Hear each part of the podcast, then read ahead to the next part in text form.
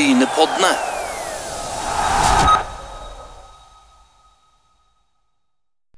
Det er påskehøytid, og Brynepoddene de skal selvfølgelig lage pod selv om det er påske. Og Asgeir, du er jo i Israel, som har sagt, og i Galilea. Og påskehøytida, den må vi gå litt inn på der. Den er vel ikke helt lik sånn som jeg er vant med? Det er han ikke, men eh, akkurat her som jeg bor, så merker vi ikke så veldig mye til påsken. Men eh, jeg skal ikke kjøre mange kilometerne før eh, feiringa pågår. Og så er det jo holdt på å si to deler av kristendommen. Den ortodokse de begynner påsken sin med et par uker, så det er ikke helt eh, fullt trykk ennå. Men eh, ting har ikke tatt seg 100% opp for at covid heller ennå, så, så, det er ikke så mye turister som det har vært tidligere tider. Men eh, det er jo Jerusalem som er plassen når det er påsken. Det er det. Nå skal verken meg eller du til Jerusalem, men uh, vi skal ha en fyldig Brynepod. og, og, dagens gjest er Brodd sin store sønn, Øyvind Jacobsen. Og Øyvind er jo en, en, en fargeklatt på skal vi si, både på godt og vondt. Øyvind er en fyr med sterke meninger. Han var jo i Rogalands Avis, bladde litt i arkivet her, og det ser ut som han har hatt meint noe siden han var 16 iallfall. Så det blir spennende å høre hva han sier. og Det ble jo litt interessant å, snakke om, om Brodd-tida og om, om tida i RA, der han var i sporten i, i flere år. Han er jo spiker på Viking i tillegg, og, men det vi skal begynne med, det er jo noe som vi begynte med på Twitter her en kveld og, og fortsetter med i dag. og Det, det handler om cupen og litt rundt oppsettet av den. Ja, og så har vi òg kommet på, på Var det LinkedIn, var det det? Nei, hva var det jeg, jeg sier det er feil, jeg. det heter LinkedIn, eh, Øystein. Der, der er Brynepoddene kommet, og, og, vi er på alle sosiale plattformer, så YouTube, Twitter, Instagram og Facebook. Følg oss der, da. Det setter vi pris på. Og så kan vi jo si at uh, vi blir glade for støtte, for denne podden, Brynepodden, er finansiert av uh, reklamepakke. Og mm, støtt oss gjerne på VIPS, på VIPS nummer 610828. 61028. Uh, tusen takk for at du hører på, men det er begynnelsen på Brynepoddene, så det kommer mye mer spennende. Og Øyvind Jacobsen han har kommet i studio. Brynepoddene de eh, er på, på, på lufta igjen, og jeg sa eh, Øyvind Jacobsen var i studio, og det er han. og eh, Oppvokst på Vassøy, Øyvind, det var litt ukjent for meg. Men først av alt, velkommen til, til Brynepoddene. Ja, tusen takk. Det er et stykke fra Vassøy til, til Bryne, altså. Det, det, kjenner jeg på. Men, men, du må jo innom hvorfor, hvor, den barnsben og Vassøy Jeg trodde jo du var, du var født og reinkarnert på Storhaug, mest sagt. Ja, men Vassøy er faktisk tilhører det som kalles Storhaug bydel. Uh, men det er ei øy uh, et stykke forbi Vassøy. Tar vel 10-15 minutter Nei, forbi sentrum. Tar vel 10-15 minutter med, med ferja. og uh, når jeg bodde der, så, visste jo alle hvem alle var, og var vel strengt tatt i slekt med, med alle òg. Så jeg bodde der til jeg var 11 år, og så flytta jeg til Storhaug. Og etter det så har jeg vært en gatekatt oppe på, på Stavanger øst. Ja, men det er jo, eh, Bergenserne har jo 20-gutten, og, og, du er vel en, en, type som passer godt inn i den beskrivelsen. Men litt sånn fotballmessig sjøl, Øyvind. Eh, barndomsår og sånn, spilte du, og hvor, eh, og, og, hvor langt kom du? Jeg trodde jeg var veldig god når jeg spilte på Vassøy, for vi var jo veldig få der. Så jeg spilte jo liksom når jeg var ti år med seksåringer, og da, da ble det noen skåringer. Så, så gikk jeg til, til Brodd. og fant ut at jeg ikke var så veldig god, men jeg klarte meg sånn noenlunde. Og så var det en som heter Hai Nok Tran, som ødela fotballkarrieren min for godt. For uh, han bare sementerte hvor dårlig jeg var i en kamp i noe som heter Bråten Safe-turneringa, som var tidligere. Uh, og da var jeg en begrensa spiller. Jeg kunne springe en del. Uh, så jeg fikk beskjed om at jeg skulle ha frimerke på Hai Nok Tran, for han og Vegard Heggem dominerte den uh, turneringa. Uh, og ja, jeg tror det var midtveis ut i andre omgang, så ba jeg om å bli bytta ut. Da var det 5-1 til Kongsvinger. Hainok Oktran hadde skåra fire mål, og jeg hadde hatt et selvmål. Og det selvmålet skåret jeg med vilje fordi jeg hørte han bak meg. Så jeg uh, ville ikke altså skåre sitt femte mål. Og etter det så gikk jeg vel og satt uh, bomte en sigarett av en eller annen fyr som, som satt der, og var ferdig med, med fotballen for, for godt, som, som spiller i alle fall.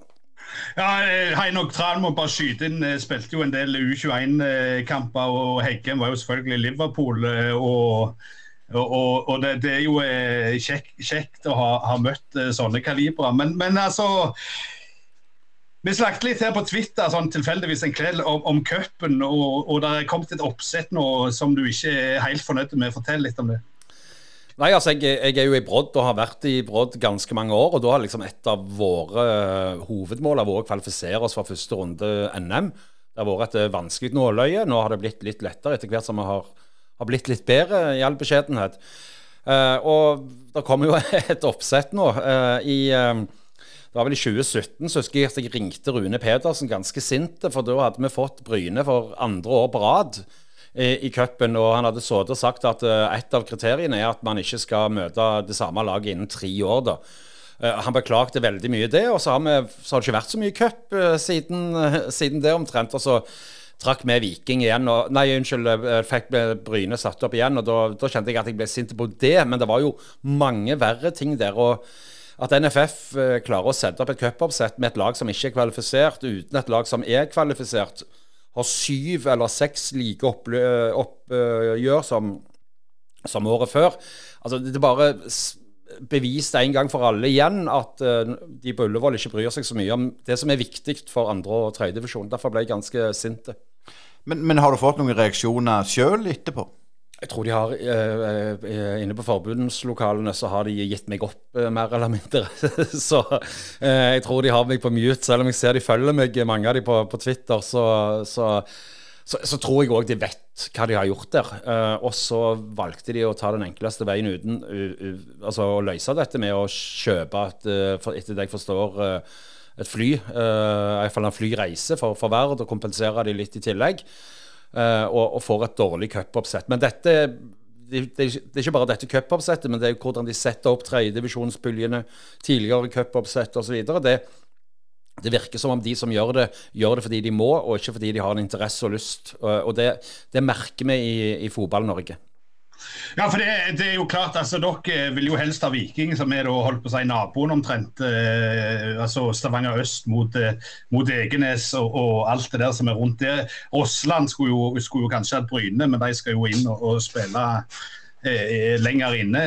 Og, og liksom, Men, men cupen, selve cupen, altså. Vi, vi diskuterte litt det om kvelden. altså det var jo en sjarm med cupen tidligere, men jeg føler jo liksom at eh, lufta har gått litt ut av den ballongen. Ok, Hvem som vinner cupen, det er noe som skjer dagen før julaften omtrent eh, i, i vårdag. Ja, nå skjer det jo rett før 17. mai. Eh, jeg forstår vel at årets cup òg først skal avgjøres eh, neste år. Og for meg så er det viktigste at vi må Altså, cupen må bety noe. og da da må det gjenspeile seg òg at Norges Fotballforbund uh, føler at det, det, er viktig. Altså, Vi har jo sett hvordan trekninger har blitt pågått, at de har glemt å trekke. Og, uh, ja. Så, så no, noen må gi beskjed til Norges Fotballforbund at hvis vi skal bevare cupen, og at den ikke skal bli sånn som det var tidligere i, i Sverige, hvor ingen brydde seg om, uh, så, må, så, må, noen gjøre noe. Og så håper jeg at nye rettighetshavere, TV 2, kan, kan hjelpe på det. Men hva forslag har du? Nei, altså, jeg, jeg, Det var ikke viktig for oss å møte Viking, men det var viktig for oss å bli tatt på alvor. Uh, men sånn som, sånn som det har blitt nå med, med oppsettet, hvor de òg f.eks. Uh, det er helt greit at eliteserielag skal spille mot uh, lavest mulig motstand for å lage en, en opplevelse og en folkefest for de, men hele oppsettet er jo liksom at de beste møter de dårligste. Eh, du, du opplever, eh, opplever, heller ikke at andredivisjonslag møter andredivisjonslag omtrent. Altså det, det, liksom, det, handler om å slå ut Askeladdene raskest mulig. Eh, for det er bare gjerne Rossland nå som vil få en fest. Mens alle andre da Altså, vi må møte et Opos-lag fordi at NFF mener det, ikke fordi at det er trukket. Så jeg, jeg, har foreslått mange ganger at man i de to første rundene kjører en regional trekning. Altså deler Norge opp i fire og kjører trekning rett og slett fra, fra bunnen av. Uh, og Da vil du få noe mer raskeladder, da vil du få mer uh, folk som bryr seg om dette. Og så vil uansett de beste lagene ende opp med, med gode oppgjør i kvart og semifinale. Nei, da må jeg bare skyte inn at Jeg, jeg husker jo godt i, i den engelske cupen tilbake til, til 96. Da bodde jeg i lag med en brite som, som holdt med den gang conference-lag, altså nivå 5 Woking, og de hadde Coventry, som da var i Premier League, og, og klarte 1-1 mot de hjemme, og det ble omkamp osv. Og, og folk gikk jo helt berserka, for jo telefoner fra gamle tanter og sånn, selv om man bodde i utlandet. Så, så, så den skjermen der har vi, har vi mista på en måte, iallfall i Norge. Og, og, som du sier, de maskeladderne, det er ikke ofte du ser Du hadde kanskje Hødd for noen år siden, men, men utenom det så, så ryker jo lag og omtrent etter en runde, og kanskje to. Ja, fordi at hvis Brodd f.eks. skal komme seg til kvartfinale, ikke at det skjer, men, men, skal vi klare det, så vil vi altså da bli satt opp på Bryne. Så vil vi få Viking i neste, og sannsynligvis enda et lag, topplag i, i, i tredje runde, før vi kommer inn i trekningsbiten.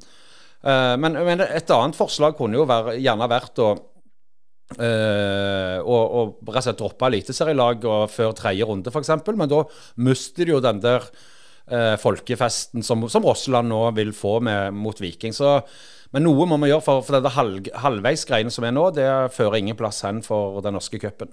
Men nå er det jo vært, eller det er jo sånn fotballting og sånn. Blir dette spilt inn fra andre klubber, sånn som du vet? Ja, det blir ofte det, men, men, veldig mange av forslagene som varsles før fotballtinget, blir uh, etter hvert bearbeida så mye at uh, essensen av det er omtrent vekke. Uh, og så blir det satt ned en eller annen komité som skal se på det. og så er den komiteen utnevnt av selve forbundsstyret, og så er det veldig mange folk der som egentlig bare vil please forbundsstyret, og så blir det ikke noe veldig spennende, iallfall ikke for, for andre- og, og tredjedivisjonsklubbene, som, som jeg bryr meg om i, i denne sammenheng.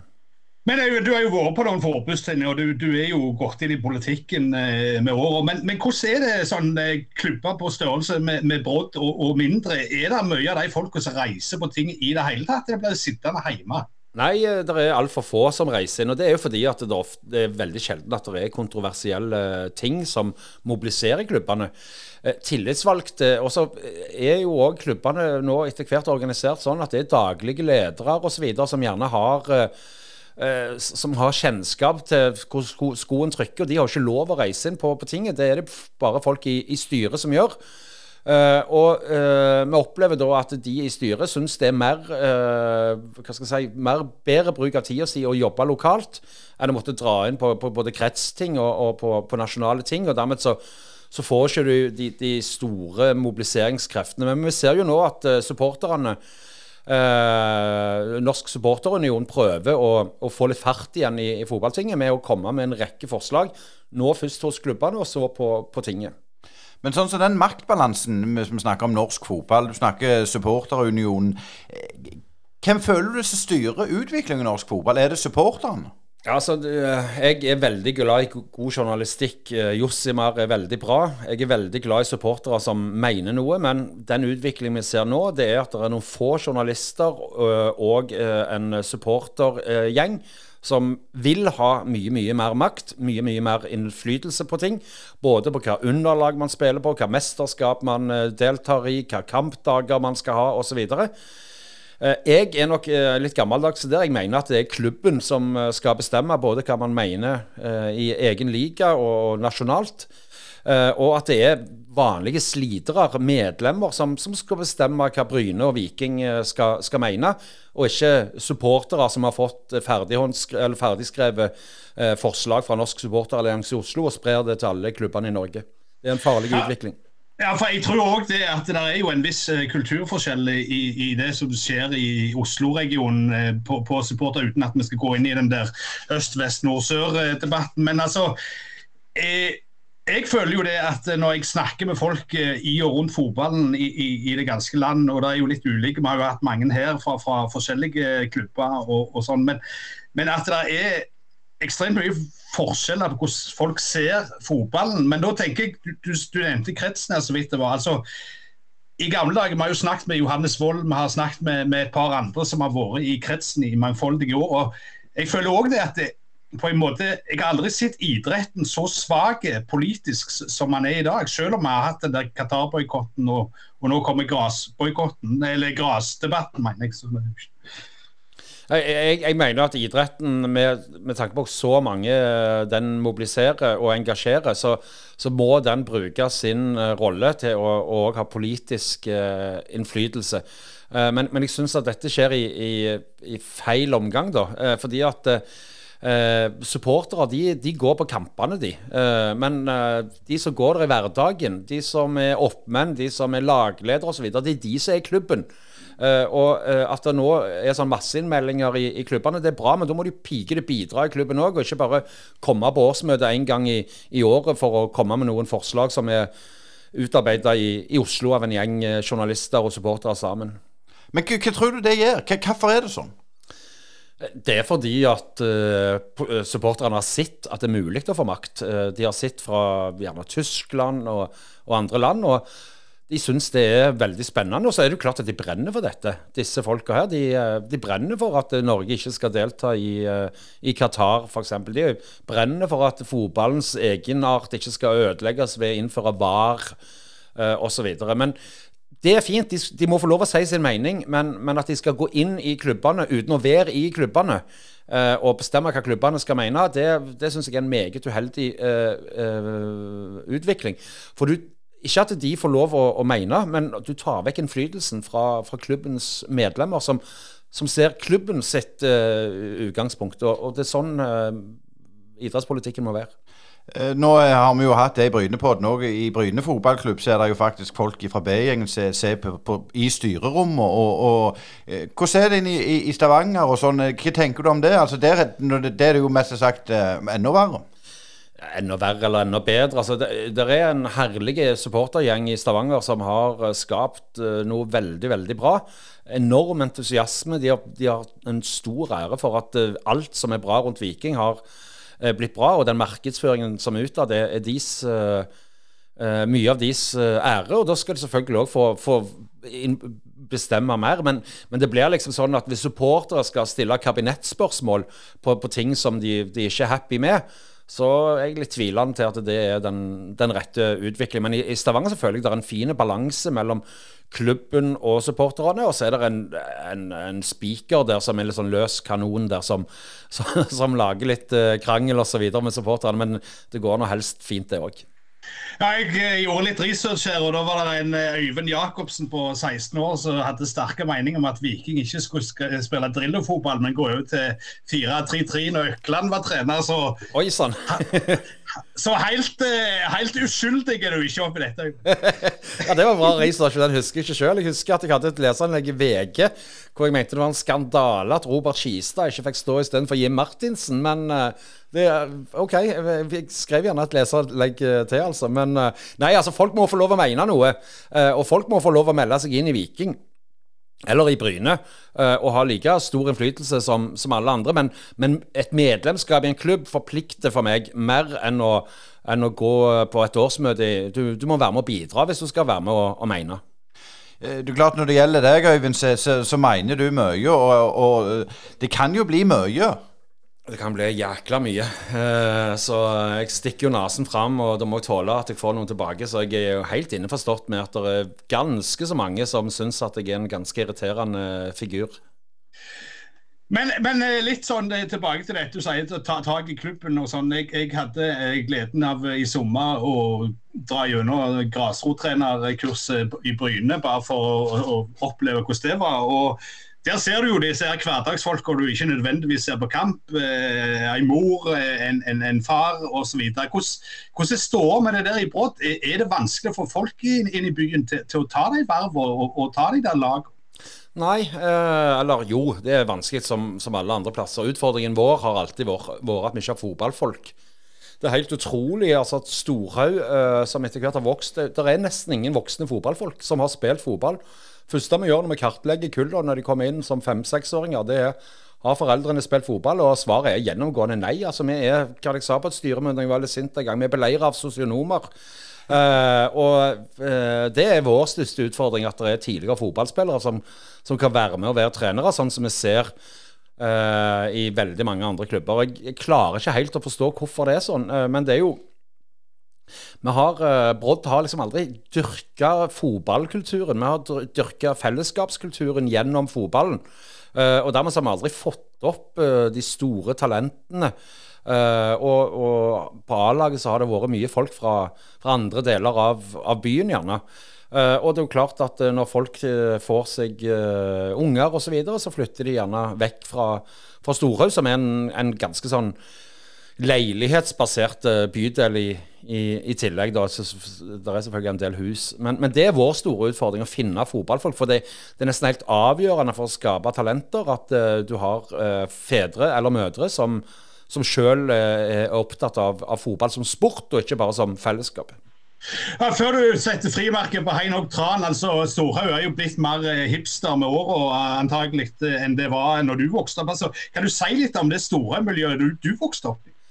Eh, ja, jeg kan si både om det jeg vokste opp i og det sånn som det har blitt. Jeg elsker Storhaug, for uh, på Storhaug så finner du absolutt alt. Du finner svart og hvite, feite, tynne, lange, korte, rike Altså Noen av de rikeste i Stavanger bor på Storhaug. Noen av de fattigste gjør det absolutt.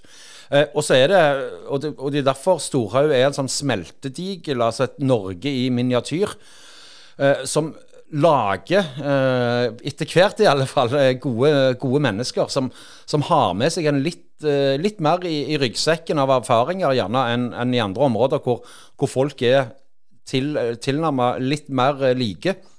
Når jeg vokste opp, så var det jo veldig enten-eller. Enten så var du snobbegutt, eller så var du Uh, på, på, nederst på rangstigen, og det var jo veldig mye slåssing, mye kriminalitet og mye bannskap. Og uh, ja, jeg tror nok barnevernet, sånn som barnevernet i dag, hadde hatt det fryktelig travelt uh, hvis de Altså hvis det var 1990. Med, med, med, sånn som det er organisert i, i, dag. Men nå har det jo blitt altså det er den kule plassen å være. Uh, både fordi at det er mye ny bebyggelse, mye kulturaktiviteter, men òg fordi at vi som samfunn etter hvert har blitt vant med, eller og, blitt glad i den smeltedigelfølelsen av å få fullt av forskjellige inntrykk i løpet av en lita uke. Det er klart det, Du har gjort en fantastisk jobb med, med integreringsarbeid i Brodd. Det, det, det, er det ingen tvil om. Men så, så, har jeg drevet litt research med de trenerne Brodd har, har henta. Det har jo vært altså Batty, eh, Morten Jensen, Kristian Sørli, Espen Artseid, Midtsian. Eh, jeg har sikkert Desosa, jeg har sikkert glemt flere. Eh, men når du Ronny Deila har vært trener hos oss. Det har han òg. Men det som jeg har sjekka opp, så, så, er du Du er jo sprøytegal, for du, du, har jo egne Sånn. Da betyr det at da skal treneren bytte. Du sender tekstmeldinger til treneren på benken. Er det derfor at, at de, de, ikke klarer å være der så lenge, at du eter de opp? ja, det, det, kan veldig godt være. Uh, det er gjerne Jeg klarer å få dem til å være der, men når de ser hvor, hvor mye galskap det er, så, så gir det seg. Men ja da, jeg, jeg sprøyter gal. Uh, under kamper så burde jeg ha blitt satt inne i et bur. Uh, for jeg, jeg, klarer rett og slett ikke å oppføre meg. og jeg, jeg, har prøvd mange, mange ganger å tenke gjennom hver kamp nå at nå skal jeg oppføre meg, nå skal folk få se annen side. Men når Brodd spiller, så, så, ja, så mister jeg det rett og slett. Det, det, er nesten litt pinlig å si, men uh, jeg er så engasjert der at uh, Jeg må bare spørre, hvor, har du det fra? Er det noen av dine foreldre, besteforeldre som er sånn? Nei, eller? nei, nei jeg, uh, det, jeg følte gjerne at jeg var ganske alene når jeg gikk inn i Brodd. da var det en klubb som lå med jeg må få lov å si brukken rygg. Holdt på å rykke ned til sjettedivisjon.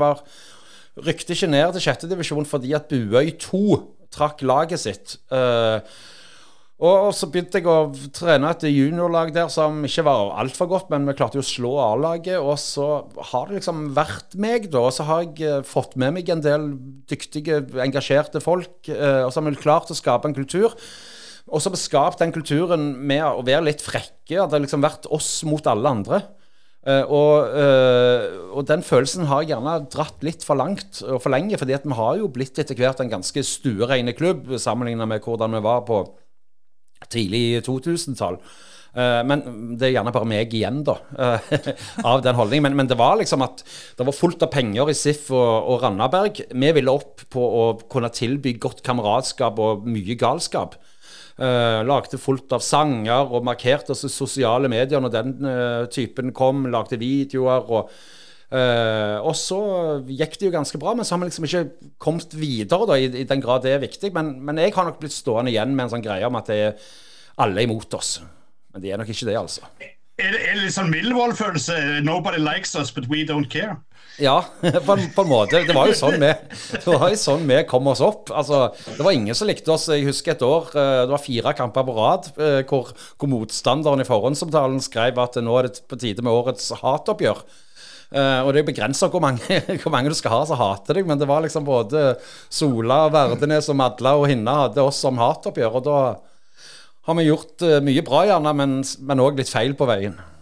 Men altså, Vi skal jo komme, komme tilbake til, til, din eh, tid i pressen. og sånn, men kan, kan, du si litt om utvikler? Du er jo en av grunnleggerne dette lokalfotballforumet på Facebook, og, og, som er over 11 000 vel nå. og Kan du si litt om bakgrunnen for det og tanken bak? Og kan du si litt om den utviklingen som har vært i lokalfotballen de årene du har vært tett på?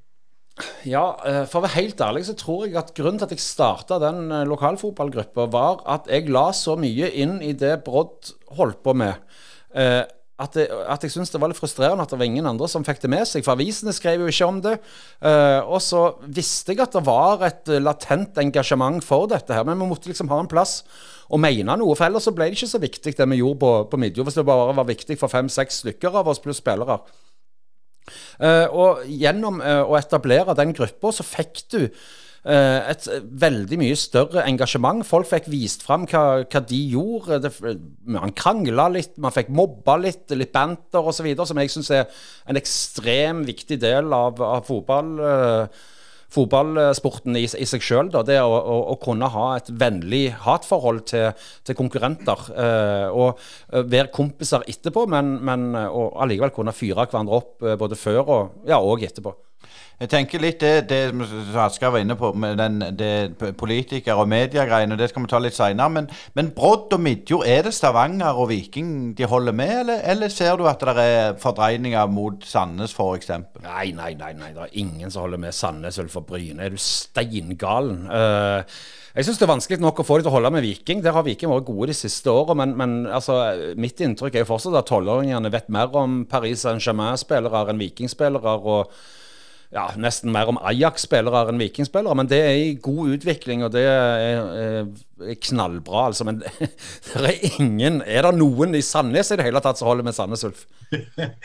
Nei, det er, vel, det er jo noen, da, men de bør vel helst på Stangeland Trones. Men, men eh, Øyvind, jeg har lyst til å spørre deg noe annet nå. altså Når du ble eh, journalist og etter hvert fikk lov å dekke Viking. Du var vel eh, blodfan av Viking alt fra, fra barnsbein av. Og når jeg skulle begynne å dekke Bryne for Jærbladet eh, tilbake i 2008, så, så, forsvant vanvittig mye den der mystikken du hadde som ren fan når du kom på innsida og begynte å snakke med folk. og sånn. Hadde du noen lignende opplevelser når du begynte å dekke Viking tett?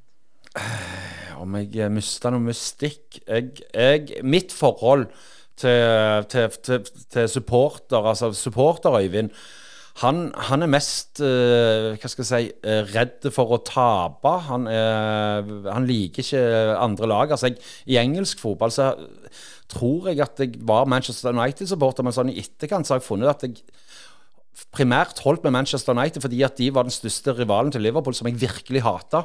Uh, men uh, når jeg var på, på innsida, så var jeg uh, Jeg var jo veldig kritisk journalist. så jeg tror Jeg har blitt boikotta av samtlige vikingtrenere utenom Kjelling Olsen, for han rakk det ikke på den korte tida han var hovedtrener. så jeg, jeg har liksom gjerne hatt den supporterinngangen eh, som Felt O nå f.eks. har. At de vil ta tak i de tingene som er kritiske, mer enn å løfte de, som, de tingene som er, som er, bra. Det er nok sportsjournalister som, som, løfter det som er bra. Jeg eh, hadde nok mer en rolle om at jeg ville finne ut hva som ikke var bra, og på den måten da kunne gjøre Viking enda bedre hvis de fiksa det. Men hvordan ser du på sportsjournalistikken i dag? Jeg syns det er veldig mange dyktige eh, sportsjournalister. Jeg syns eh, utviklinga er veldig bra. Det, var, det har vært altfor mye heia. Uh, journalistikk, som, som, jeg nesten ikke kaller journalistikk, det kaller jeg bare videreformidling. Uh, uh, men, men, det å se på idrettens rolle i et kritisk søkelys, se på hvem som bestemmer i klubber, hvordan de bestemmer, Uh, det det syns jeg er en uh, veldig viktig del av journalistikken. Hvordan klubbene brukes. bruker sitt nettverk osv. inn i, i samfunnet, i, i idrettspolitikk og, og, generell politikk. Det syns jeg det har blitt mye mer av, og det syns jeg er knallbra. Men, men, ja. ja. Nei, men du, du, sitter jo på en måte litt laglig til, for du, du bor jo i Stavanger og har vokst opp der. Viking Oilers dominerer jo pressen på Derra og Aftenbladet, og en får mindre og mindre. Jeg får litt Ulf og Bryne her og her, men, men før så var jo begge avisene ute og dekte Bryne, dekte Viking, dekte Ulf. Det var litt sånn innsnevring av feltet. og Vi har jo snakket en del om det at det, du vet jo ikke om det er en norgesmester i orientering som kommer fra Rogaland f.eks., for, eksempel, for det ble omtrent ikke omtalt. Eh, jeg husker i, i forfjor så tipsa jeg Lars Helle om at eh, de hadde fått en skytterkonge i Rogaland for første gang siden 1930-tallet. og Det var det ingen i sportsseksjonen som hadde fått med seg. Føler du at vi blir litt for fotballorienterte og litt for kanskje Oilers i tillegg?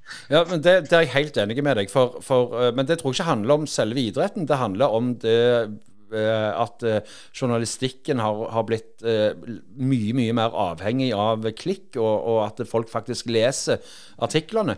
Tidligere så var det viktig å gjerne presentere ei god forside, som var gjerne litt tabloide, for å få folk inn til å lese det som jeg kaller da samfunnsoppdraget, om hvem som ble norgesmester i gokart, eller uh, hvordan Randaberg volleyball gjorde det, eller uh, osv. Men, men det blir totalt ignorert nesten nå, fordi at uh, man eh, istedenfor å gå på en totalpakke, eh, må, må presentere hele tida saker som skal gi klikk, og dermed så velger man det som gir mest interesse.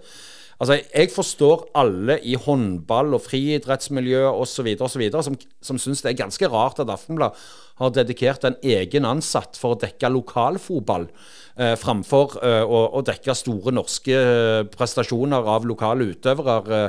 Eh, men, men, det er altså at eh, journalistikken det er det er ikke lenger bare journalistikk, det er å selge eh, reklameplass. Eh, eller selge reklame-attention, som det heter. Men, men, du ser det sånn som det, har jeg opplevd sjøl. Jeg har sett at, at klubber sender ferdige, tygde artikler til avisen som de bare publiserer uten å skrive noe kritisk.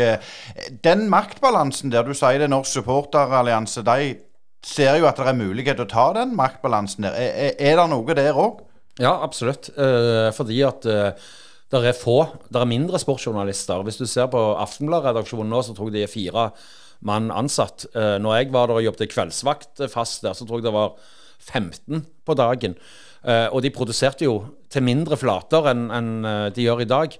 Så det er klart at eh, det er hektiske hverdager for de få som, som jobber i sportsredaksjonene. Og, og, da må de prioritere der, der avisa får klikk. Uh, og, eh, og, da blir det dessverre sånn at det blir veldig mye pressemeldinger fra, fra de idrettene som meg og deg ikke bryr oss om. Uh, altså, Hvorfor skal Aftenbladet skrive om hvem som ble norgesmester i gokart, når verken du eller meg eller noen av oss tre er spesielt interesserte i det, eller klikker oss inn på de sakene. Så vi som uh, lyttere her og, og, forbrukere må jo ta sjølkritikk. Hvis vi er interessert i et type stoff, så skriver de om det.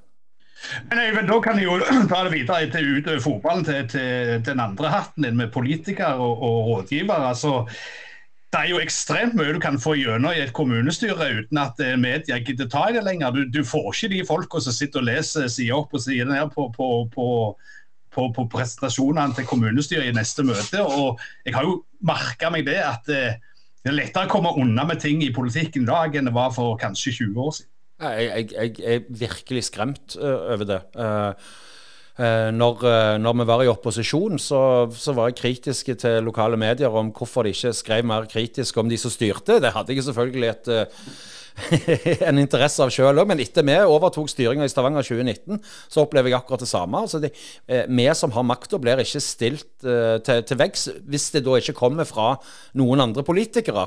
Eh, og så blir det bare Journalistikken blir da hva de andre mener, og hvordan vi forsvarer det. Framfor at man faktisk setter seg ned og leser sakspapirer og og, og formidle det som, som, skal besluttes før beslutningene tas. Det så f.eks. i i bompengesaken. Det var jo knapt nok noen journalister som, som, tok fatt i det før det ble en folkebevegelse etter vedtakene eh, var gjort. Og Det er kjempebekymringsfullt for demokratiet vårt, for interessen rundt eh, politikk. Eh, og, og, vi kan ende opp med at eh, det blir enda verre. At eh, knapt nok noen vet hva som skjer. Viktige beslutninger for de, deres egen økonomi og deres egne liv. Men det er jo litt det samme i idrettspolitikken, at det plutselig sier de oi, det er mandagskamper, det må vi streike for. Dette er jo blitt bestemt for, for lenge siden. Men, men, hva tror du vi kan gjøre som, uh, både som, som bruker av idrett og, og, og som innbyggere for, for å endre på dette?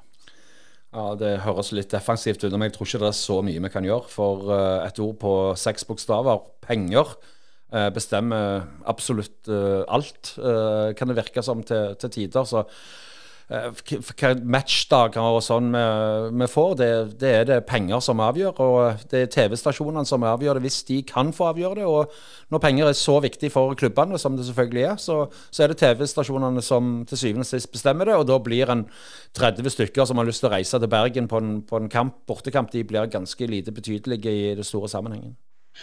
Men, men hva, hva, tenker du sjøl, da? Altså, du, du, har jo gått og sett uh, fotballkamper i hele ditt voksne liv. Er der, der, der, jeg vil hevde at i Norge er det ikke noen kultur for å spille kamper mandager? Nei, eh, det er ikke det. Jeg, jeg, jeg, har alltid vært de som, en av de som mener at vi burde ha, ha, flere kamper på lørdager. Jeg er det er veldig bra at uh, fotball skal være en familiesport, at man skal ta med seg uh, familien. Men supporterkulturen og det, det skikkelige engasjementet tror jeg uh, fort blir bedre, og misforstår meg rett nå, av at en kompisgjeng på under 30 kan ta seg noe pils og bygge interesse og samhold på, på, den måten, og skape stemning på, på den måten. Så jeg skulle gjerne ønske at man, eh, i alle fall når man spiller de månedene, eller de få det, det, er jo, det, er jo, ikke så mye, men når det ikke er Premier League osv., men kanskje òg når det er Premier League, at man bør i større grad prøve seg på, på lørdagskamper og ha gode familiesoner for, for, de som ikke ønsker den type støy da, under kamp. Vi hadde jo Paul Hickson i Oilers her, og det er klart hvis du går nå husker ikke jeg om det var 15 eller 20 år tilbake, så var jo på en måte både Viking og, og Oilers nære fortelling med tanke på publikumstekket. Det er jo snudd for begge lag. og Når du har vært og sitter på innsida i Viking, hva, er det de har gjort så, utenom å vinne fotballkamper, som gjør at, at folk kommer? Eh, jeg tror det å vinne fotballkamper er det aller viktigste. Men eh, de har vunnet fotballkamper sammen med store deler av byen. Altså de, Det er ikke Viking som har vunnet. Det er supporterne de som har vunnet, det er sponsorene de som har vunnet. De trekker fram de frivillige. De, de, har prøvd å lykkes med å skape et bilde av at det er hele byen. Uh, som, som, som, vinner fotballkamper. Og uh, få mange folk til å mene noe om Viking, eller Bryne eller Sandnes Ulf, det tror jeg er nøkkelen. Uh, jeg, må, jeg, må, bare avbryte det, for det vi har snakket om. Det. Altså, du er jo kommunikator uh, i uh, Sandnes Ulf uh, Ja, Bryne òg. De sliter jo med å kommunisere. Det er jo ikke folk i Sandnes. Nei, og det er fordi at det ikke er deres klubb. Og det, det er jo klart at Viking og Bryne har jo en veldig stor fordel der, fordi at de har en lang, tradisjonsrik kultur. Men en kultur eh, kan du miste, og Viking mista jo sin kultur. De måtte jo omtrent bygge den opp fra, fra null. Det satt 400-500 stykker, og så Viking tape noen kamper i 2017. Eh, men eh, det du må gjøre, det er at du må dra med deg folk. Det liksom eh, Supportere og de som tilskuere de må ikke bare være kunder. De må få innflytelse, de må få lov å mene og bestemme. Eh, eller de må ikke få bestemme, men de må få føle at de er med på reisen. Eh, at det er deres klubb, eh, og at de eh, blir hørt på.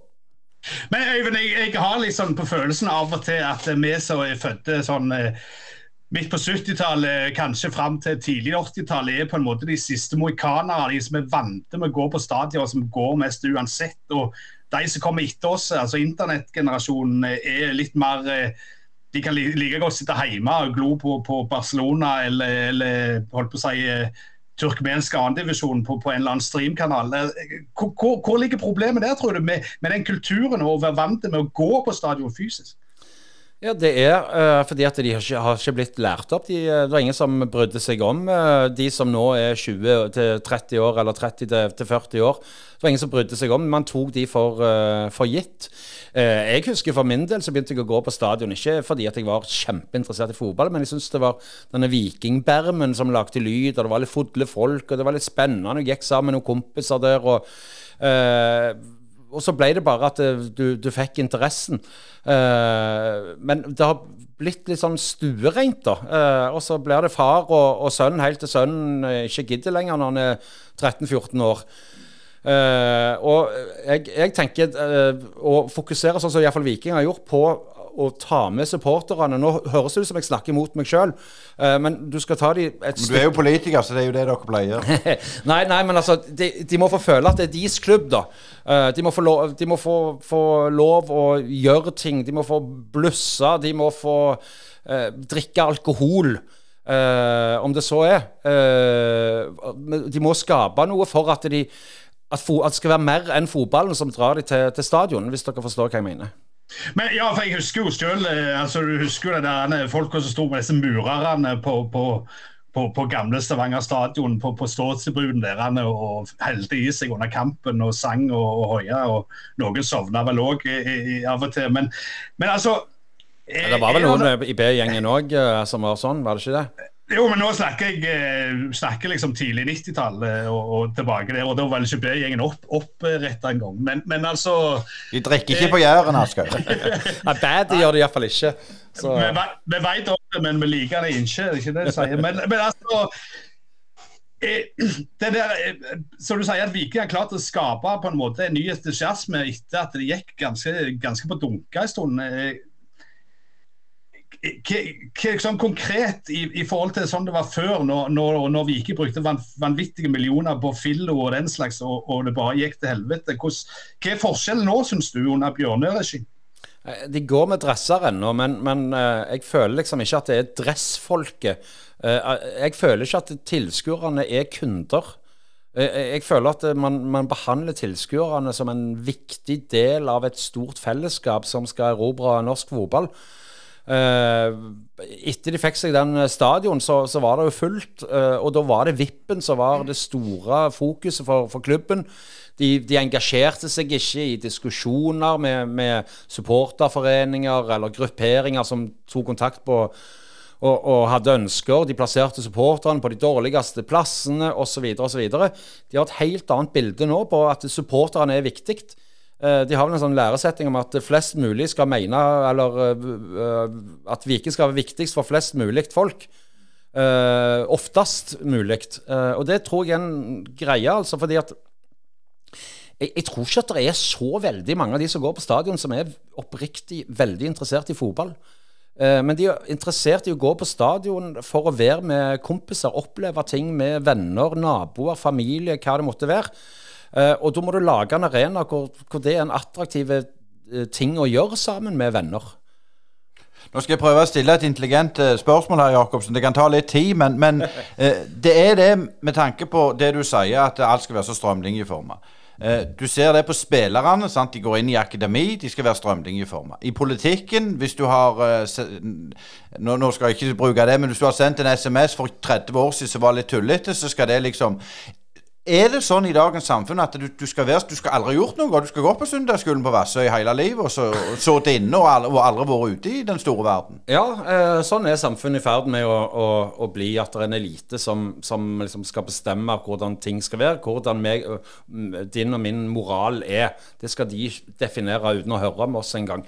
Eh, og det den syke kom jo til fotballen eh, for lenge siden. At det var eh, Man tiltrakk seg folk fra, fra næringslivet, og det er bra med, med, kompetanse der, men man glemte liksom å ta inn folk i styrene som har det supporterperspektivet. Som, som, som har det i hjertet sitt, som, bare ikke har det, som ikke bare har det som en CV eller i, i, i lommeboka. Uh, og jeg er jo hva skal jeg si, gjerne en liten motvekt der, men, men jeg, jeg, jeg syns heller ikke at det er sånn uh, enten-eller. Uh, denne kritikken mot broilere i politikken, den er jeg enormt imot.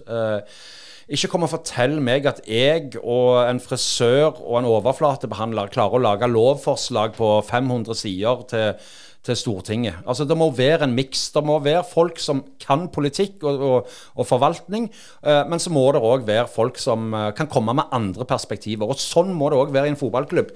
Hvis du skal favne alle, så må du ha alle med eh, på å bestemme og, og lede vei. Men Churchill sa jo i tid at ingen eh, politiske dokument bør være lenger enn to sider. Men, men altså, litt der tilbake til eliten, eh, Øyvind. altså jeg, jeg tenker jo litt, litt, litt, motsatt, at eliten ikke lenger tør å være elite. altså når jeg husker tilbake om sånn, for eksempel, ta et banalt eksempel som ledere i idrettskretsen i, i Rogaland, så, så var det litt sånn, det var jo litt sånn respekt rundt forbi rekkene for sånne folk. Men i dag så er det jo, det er jo ingen som bryr seg verken om, om lensmannbiskop eller, eller, idrettsleder. Ja, jeg vet ikke Jeg, jeg kan ikke huske at jeg har hatt sånn enorm sånn respekt for, for de, men, men, jeg tror den respekten forsvinner hvis du liksom ikke føler at de representerer deg. Eh, for, for, respekt får du jo både ved at uh, altså jeg, jeg, vet ikke om du tenker at de er mye, mye viktigere, eller noe sånt, men uh, hvis du vil være en del av noe, så, så får du mer respekt, iallfall i, i mitt hode. Uh, du bryr deg mer om styret i Bryne hvis, hvis, du vet at dette er folk som, som gjerne er litt bedre enn deg, men som har, kommer fra samme uh, posisjon som deg sjøl. Men hvis det er klart, uh, hvis du flytter menighetsrådet uh, over til å være styret til Bryne, eller Bryne næringsforening til å bli styret i Bryne, så, så, blir det så stor avstand at uh, gjerne òg respekten uh, forsvinner etter hvert. Men, men når, du, når, du, er i, i, Arbeiderpartiet nå, er det sånn at du, du blir klubba ned av dine egne av og til? At det, det blir litt, som jeg var inne på, litt mye Øyvind og litt lite innhold? Ja, eh, det, er det ingen tvil om. Og jeg får beskjed av og til at Øyvind, dette møtet prøver du å holde lav eh, profil på. Jeg klarer det faktisk, fordi for politikk er ikke så viktig for meg som, som broddkampere. Men det, altså, det, har jo skjedd. Ordfører Kari Nessa Nordtun måtte jo gå ut i, i mediene til et angrep på meg i forbindelse med med covid-situasjonen, hvor jeg var veldig kritisk til at idretten ble sperra eh, ned, og hvor kommunen da i Stavanger valgte å, å gå og kontrollere Eh, så reagerte jeg på det, og så mente ordføreren, og det hadde jo all eh, rett til å gjøre, at eh, jeg som politiker skal selvfølgelig forholde meg til det som blir vedtatt, som jeg er med og vedtar sjøl. Jeg kan ikke gå og ha omkamper etterpå. Altså, Poenget mitt med det jeg sa, det var ikke det at det, det var folk som var bedre, men det var mer det at det, holdt på å si, de som, som er elite og ledere, ikke tør å være lite, men hører på si dette vi har snakket om supportere, og at en får liksom En tør liksom ikke mene noe sjøl, en skal bare på en måte snu kappa litt etter vinden og håpe at eh, ting går seg til. Men, men tilbake til politikken, Øyvind. Jeg har litt lyst til å spørre når den der gløden og, og, og gå inn i, i, politikken, for du sto jo langt nede på Arbeiderpartilista før du ble valgt inn. Ja, jeg uh, meldte meg inn i Arbeiderpartiet rett før jeg kom til valg. Jeg uh, hadde vært journalist, som jeg sa. og hadde vært i brodd og var samfunnsengasjerte og hadde bare lyst til Og jeg syns ting gikk litt seint. Det var mange gode intensjoner fra forskjellige partier, men ting gikk litt seint. Og jeg tenkte at jeg er jo en ganske frisk, eh, oppegående fyr som skal inn og få fart på ting. Men jeg har jo funnet ut at politikkens vesen er sånn at uh, ting må ta tid. og jeg tror nok gjerne det er lurt at uh, det tar litt tid. Men jeg, jeg satte meg ned og leste partiprogrammer til tre-fire partier som jeg har stemt på. og så falt jeg ned på at Arbeiderpartiet var, eh, var, det partiet som var soleklart nærmest meg. Jeg er ikke enig i, i, alt, og det tror jeg ingen er med sine partier. Men, men, for meg eh, så har det vært dette her at alle skal ha sjansen til å få frihet. Jeg mener jo at Arbeiderpartiet er det fremste frihetspartiet, hvis jeg skal få lov å snakke litt nå. fordi at det å sette folk i, i, posisjon til at de kan få seg både økonomisk frihet og annen frihet, det, det, er det vår politikk er. At du, selv om du har noen fattige foreldre, så skal vi legge til, til rette for at du kan kan nå toppen hvis, hvis det er et uh, mål for deg. Uh, og det gjør du ikke med, med høyresida sin Eh, politikk hvor man ønsker at de som allerede har lykkes, skal uh, få samles i større grad. Jeg tenker på privatskoler f.eks. ned i ungdomsskolealderen. Jeg syns det er helt hårreisende at vi har fått så mange ungdomsskoler hvor de som er flinke i idrett eller i matte eller kultur eller uh, bare er kristne, skal gå på egne skoler. Uh, det du gjør da, det er at du drar ut viktig kompetanse, hvis vi kan eh, kalle det kompetanse hos uh, 10., 11. eller 9.-klassinger. Uh, hvis, hvis, alle som syns det er kjekt å, å gjøre idrettsaktiviteter i, i, friminuttet, går på en egen skole, hvis alle som er gode i matte, går på en egen skole, hvis alle som spiller gitar, går på en egen skole, så får vi et samfunn som jeg håper at vi ikke skal få, selv om vi ser i store deler av verden at det er det samfunnet Eh, det blir. Og Da tror jeg det er viktig å, å ha et samfunn hvor vi har eh, gode fellesordninger, og så er alt i midten av livet mer eh, opp til deg sjøl.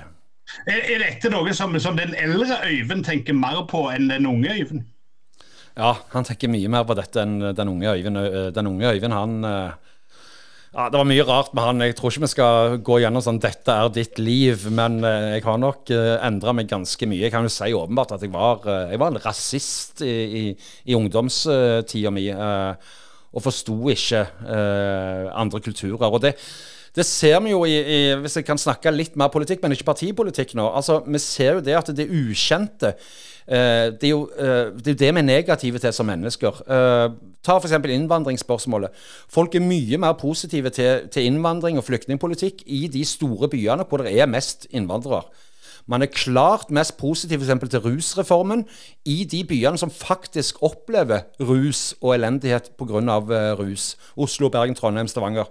Uh, I Arbeiderpartiet så hadde vi jo en veldig stor kamp om f.eks. rusreformen. og Den stoppet i Stavanger. De fire store byene var for rusreformen de eh, mindre kommunene er veldig imot. Og de som er veldig imot, er de som ikke har mye rusproblematikk. Eh, eh, så, så, frykten for det ukjente eh, tror jeg er en av de store utfordringene til alle mennesker og til, til, vårt samfunn. Jeg har bestemt meg liksom, for at jeg skal aldri være negativ til, til ting som er nytt av eh, automatikk, og det tror jeg mange av oss dessverre er. Enten det er ny teknologi, nye mennesker, nye løsninger osv.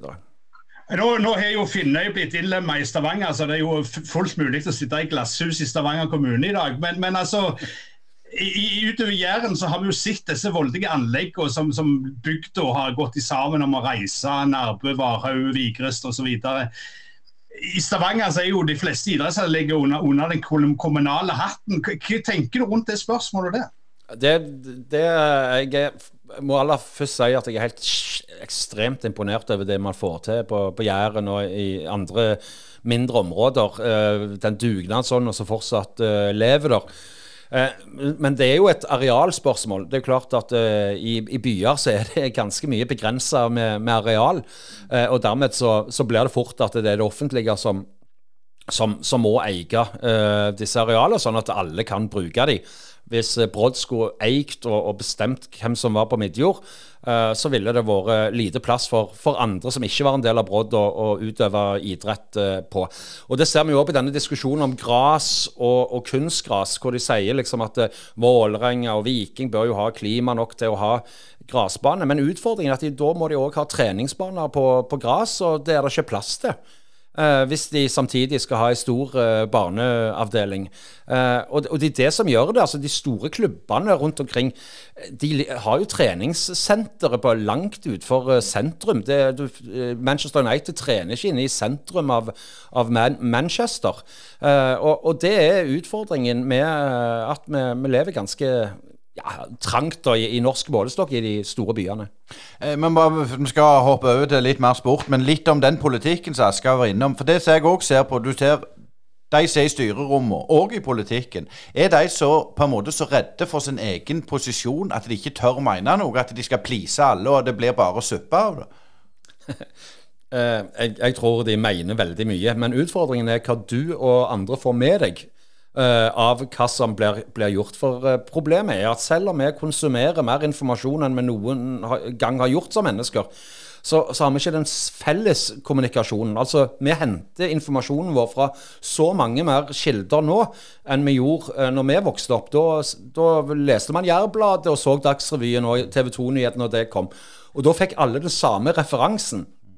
Nå har man så mange uh, informasjonskanaler at man har ikke felles uh, hvor man får informasjonen fra. Uh, og det igjen, da, som, som Asker var inne på, liksom at det, det, sørger for at man, journalistene heller ikke hva skal jeg si, formidler stoff som ikke er så interessant, for det er en kamp om oppmerksomheten vår. Og dermed så, det, det gjøres helt enormt mye. Jeg har fått så respekt for politikere uh, og folkevalgte. Og hvor mye de setter seg inn i, hvor mye folk de snakker med uh, for, før beslutninger kommer. Og det er utrolig vanskelig for andre å uh, få med seg. Så, så jeg, jeg, forstår at folk tenker sånn som du gjør nå, men det er altså ikke sannheten. politikere, folkevalgte, er hardt arbeidende mennesker som har engasjert seg primært for å gjøre li, uh, livet bedre til, til, oss som bor i Men, men det må bare avbryte, for nå, nå, blir det mye Øyvind her. Men det, det med fake news, uh, er det òg noe sånn klikkbasert som kommer bare for å få, få gode historier? Om det sannhetsgehalten ikke så nøye? Ja, uh, altså fake news kom vel Det ble, slo jo skikkelig til når det var en, to brødre vel i Hviterussland eller et sånt et land som som uh, publiserte fullt av falske nyheter i valgkampen i, i USA. Uh, og det er klart at vi, vi, er, vi, er et samfunn sånn at vi ønsker bekreftelser på det vi sjøl mener, mer enn vi ønsker å få ny uh, kunnskap. Og det er klart at når, når journalistikk har blitt en betalingsvare, så, så, er det jo sånn at da kjøper vi den journalistikken som, som bekrefter det vi sjøl vet, eller det temaet vi, vi er allerede interessert i, og så er det der du selger uh, annonser osv. Så sånn at uh, er vel, journalistikken er veldig vanskelig å, å, tro på mange andre plasser enn i Norge. Men i, i, Norge så mener jeg at folk fortsatt har god grunn til å, å stole på, på journalistene. Eh, til, til, til, holdt på å si, til å avslutte den bolken der, altså Føler du sjøl at eh, Du sa det var mye gode folk i media, men du sier det òg er kutta. Altså, Google og Facebook og så videre, tar jo ekstremt mye av reklameinntekten som avisene hadde før i tida. Og, og en må jo slite. Og, og Faren er vel det at vi til slutt lager nettopp journalist Eh, journalistikk som skal please folk, og som gjør at folk vil klikke seg inn og kjøpe den artikkelen eller abonnere på den avisa. Altså, ser du den faren eh, sjøl, og, og, ser du den på kort sikt? Ja, Det er jo det som er utfordringen. At, uh, at uh, mediehusene har mista inntektsgrunnlaget sitt til, til, folk som bare videreformidler Eh, andre sine meninger, altså Google, Facebook, eh, Twitter osv. YouTube. Eh, og Det er de som håver inn pengene, men de legger ikke tilbake igjen journalistiske ressurser med de pengene. Det går bare til utbytte. Norske mediehus, når de hadde store inntekter, for det hadde de, og har sånn sett ennå, da går pengene, iallfall store deler av pengene, tilbake igjen til å produsere journalistikk. Uh, og nå er det altså sånn at den, de som produserer journalistikk i hermetegn nå, i hvert fall i det globale, uh, det er jo folk som gjør det for å enten A. bli berømte, eller B. Uh, tjene masse penger på å få en revenue fra disse store aktørene. Og det er en utvikling som vi nok ikke klarer å stoppe. men det er derfor desto viktigere at vi har gode ordninger for norske medier. Statsstøtte har jeg vært Jeg husker jeg var kritiske til det sjøl, men når du ser i det bildet der, så må du sørge for at norske medieaktører, uansett hva, hva politiske utgangspunkt aktørene har, at du, at du legger til, til, rette for at de kan drive uten å måtte, kommer det et stygt ord, hore seg til for, for enkelte grupper for å eh, få nok klikk til å få nok eh, markedsinntekter. Eh, noe som ikke horer seg til, iallfall ikke tilsynelatende, er jo Brodd. Eh, vi er i gang med, med sesongen. Hva, hva, tenker du om laget i ditt hjerte nummer én? Uh, jeg er alltid, eller ikke alltid av og til positiv men jeg, jeg, er veldig redd denne sesongen. For vi har et, et ganske bra um, apparat av spillere. Uh, Åpna fryktelig svakt, men vi vant første kampen. Har tapt en del treningskamper. Eh, jeg tror vi kan slå Bryne i en enkel uh, kamp. Uh, jeg tror sjansen er større både nå enn han var i både 17 og, og, og 2015. Vi mangler gjerne de der store dødballspillerne, men det er, er, mye kvalitet i, i Brodd. Vi så jo i cupen i, i, fjor Nei, jeg, si, jeg husker ikke når det var cup sist. men men Stord slo ut Haugesund, og det er ingen grunn til at ikke Brodd skal, skal slå ut Bryne. Men Årets tredjedivisjon er ganske jevne. Det er kanskje den beste divisjonen som har vært. og Jeg tror det òg vil skjerpe alle lagene der før NM, for NM spilles jo ikke før i slutten av eh, mai. Uh, og da har lagene allerede nå spilt en, en del kamper, og, og, og det på, på, ganske tøft nivå. da. Så, det, jeg tror det kommer masse cupbomber, og det kommer gjerne ei bombe på, på midjord òg. En gang må vi jo slå et uh, bra lag. Viking har begynt fantastisk godt med to seire. Sandnes Ulf det samme. og Hva tror du om Viking? Jeg tror Viking eh, eh, kommer til å gjøre det veldig bra. Eh, jeg, jeg, er alltid sånn skeptisk. For meg så er fotballkamper 99% frykt, og så er det bitte litt glede innimellom der og litt lettelse. Men, men, og jeg, Derfor har jeg frykta at Viking skal få seg en dårlig sesong. Men de, de ser så solide ut. Ikke at de skaper så mye framme, men de, de, kontrollerer kampene. Det, det er liksom Eh, du, du, føler ikke at det er panikk i, i forsvarsspillet. De, de, har en fin struktur. Eh, de maler på. Jeg, jeg, jeg tror Viking faktisk kan ja, jeg, har ikke lyst til å si det. Jeg tror de kan bli seriemester i år. Men, men eh, altså, det var jo en del som var litt kritiske når mildt, når Bjarne måtte gå og, og Batti og Morten Jensen tok over. Hva, hva tenkte du sjøl akkurat der og da om de to i hermetegn jyplingene som skulle ta over? Jeg var helt sikker på at de Jeg kjenner jo de begge godt. Jeg er helt sikker på at de kom til å gjøre en, en ekstremt bra innsats. Og så er det jo tilfeldighetenes spill. Du, uansett hvor mye kompetanse og engasjement du har, så er du avhengig av å, å få resultater i begynnelsen, for, eller i, i, alle fall få noe bevis på at ting går uh, bra. Og de fikk jo ikke uh, så gode resultater uh, til å begynne med. Men de har en så, sånn en kjærlighet for både klubb og for det arbeidet. De ser på det som den beste jobben de noensinne kunne fått. Eh, og det utgangspunktet det er ganske bra for eh, enhver eh, leder. Altså Hvis du går inn der og rett og slett har det som, som en vesentlig stor del av, av livet ditt, så, så, er det større sjanse for å lykkes, tror jeg. Så frem til ikke bikker helt over. da, Men, men de, de, er to typer som uh, står utrolig godt til hverandre. Morten litt mer utadretta, uh, litt mer uh, hva skal jeg si, nysgjerrig på, på nye ting. mens Bjarte er mer på det altså disiplin, trygg, trygghetssøkende. Og, og, det til sammen blir veldig, veldig bra, altså. Men, men, litt sånn, eh, en annen ting som vi har snakket litt om i Brynepodden, som, som jeg har lyst til å høre liksom, synet fra byen, er jo i, i, Jeg skal ikke så langt tilbake før det var tre-fire eh, faste andredivisjonslag fra, fra distriktet. Du hadde Ålgård, du hadde Klepp, du hadde Vidar. Hva er det som har skjedd i Rogalandsfotballen som, som, gjør at vi nå i dag, utenom den der fire året til Bryne, ikke har noen lag som på en måte har klart å etablere seg i annendivisjon? Det er fordi at Viking og Sandnes Ulf, iallfall ja, i alle fall Viking, har altfor mye lokale spillere. så de, uh, det er ikke plass til er, Så mange gode fotballspillere er det ikke i denne regionen til at du klarer å lage med, med lokale. Så ser du jo Egersund, og de henter jo 15 nye fram. Men det er jo nesten ingen lokale uh, spillere de får, får tak i, fordi at nivået er såpass stort at uh, når det er så mange lokale spillere, både i Viking og sånn sett også andre eliteserieklubber, så, så, er det rett og slett ikke nok materiale til å ha annet enn Egersund.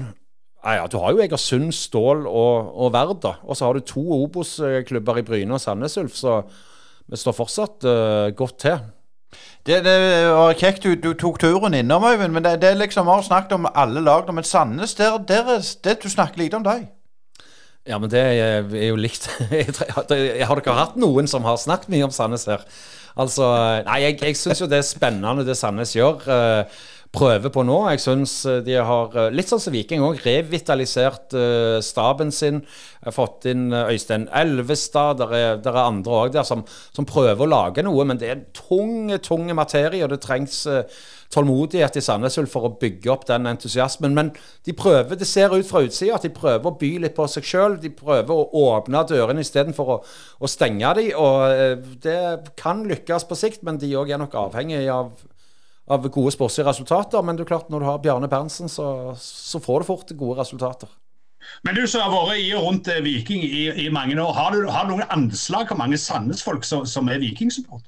Ganske mange. Uh, jeg tror det fortsatt er flere Sandnes-folk som er uh, Viking-supportere. Og så tror jeg uh, det viktigste for Sandnes Ulf er å ta den oppvoksende generasjonen. og og Der har jo Stanley og Pål Morten Borgli eh, kanskje like mye ansvar eller æren for at det kan bli en, en lokal identitet i, i, politikken. Sandnes har jo liksom aldri tatt eh, plassen som de gjerne fortjener med, med, så mange innbyggere, og bare vært en liksom forstad til Stavanger. og jeg tror ikke det bare handler om fotballen, jeg tror det handler om hele byen. Og hele byen Sandnes er i ferd med å, å, bygge opp, og har bygd opp, en, en mye større identitet. Og så tapte de jo da alle over 30. De er tapt eh, sånn fotballmessig eh, som supportere, eh, de fleste i alle fall. Og så får de bygge opp de nye generasjonene. Så tror jeg det kan bli bra på Sandnes. Helt til slutt, Vi er inne i, i påskevegg, og, og lokalfotballen ruller igjen etter to sesonger der vi var under covids åk. Hvordan føles det for deg, Øyvind, dette at vi er i gang på rett tid?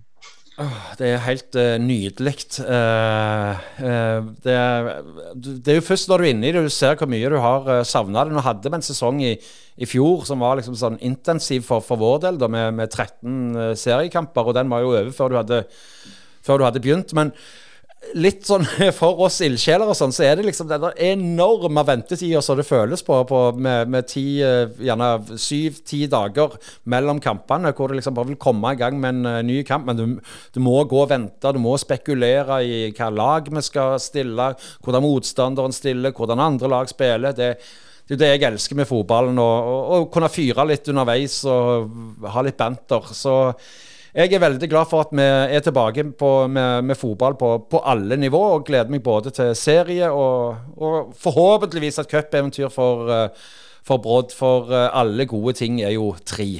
Men, men vi må ta en liten sånn et, et, et, tøft spørsmål til slutt her. Eh, Viking er jo blått, Arbeiderpartiet er rødt. Hvis du skulle valgt, skifter du til blått på parti eller, og, og rødt på, på klubb? tenker på Bryne, da. Ja. Jeg liker Bryne, jeg. Uh, ja, hadde du spurt meg for to-tre år siden, så hadde jeg jo fint sagt at jeg hadde gått over til blått. Nei, nei, altså politikk er, er jo livet uh, og, og, samfunnet. Og uh, jeg vil ikke ha blå løsninger i, i, samfunnet. Da får jeg heller tåle en rød seriemester eh, eller to.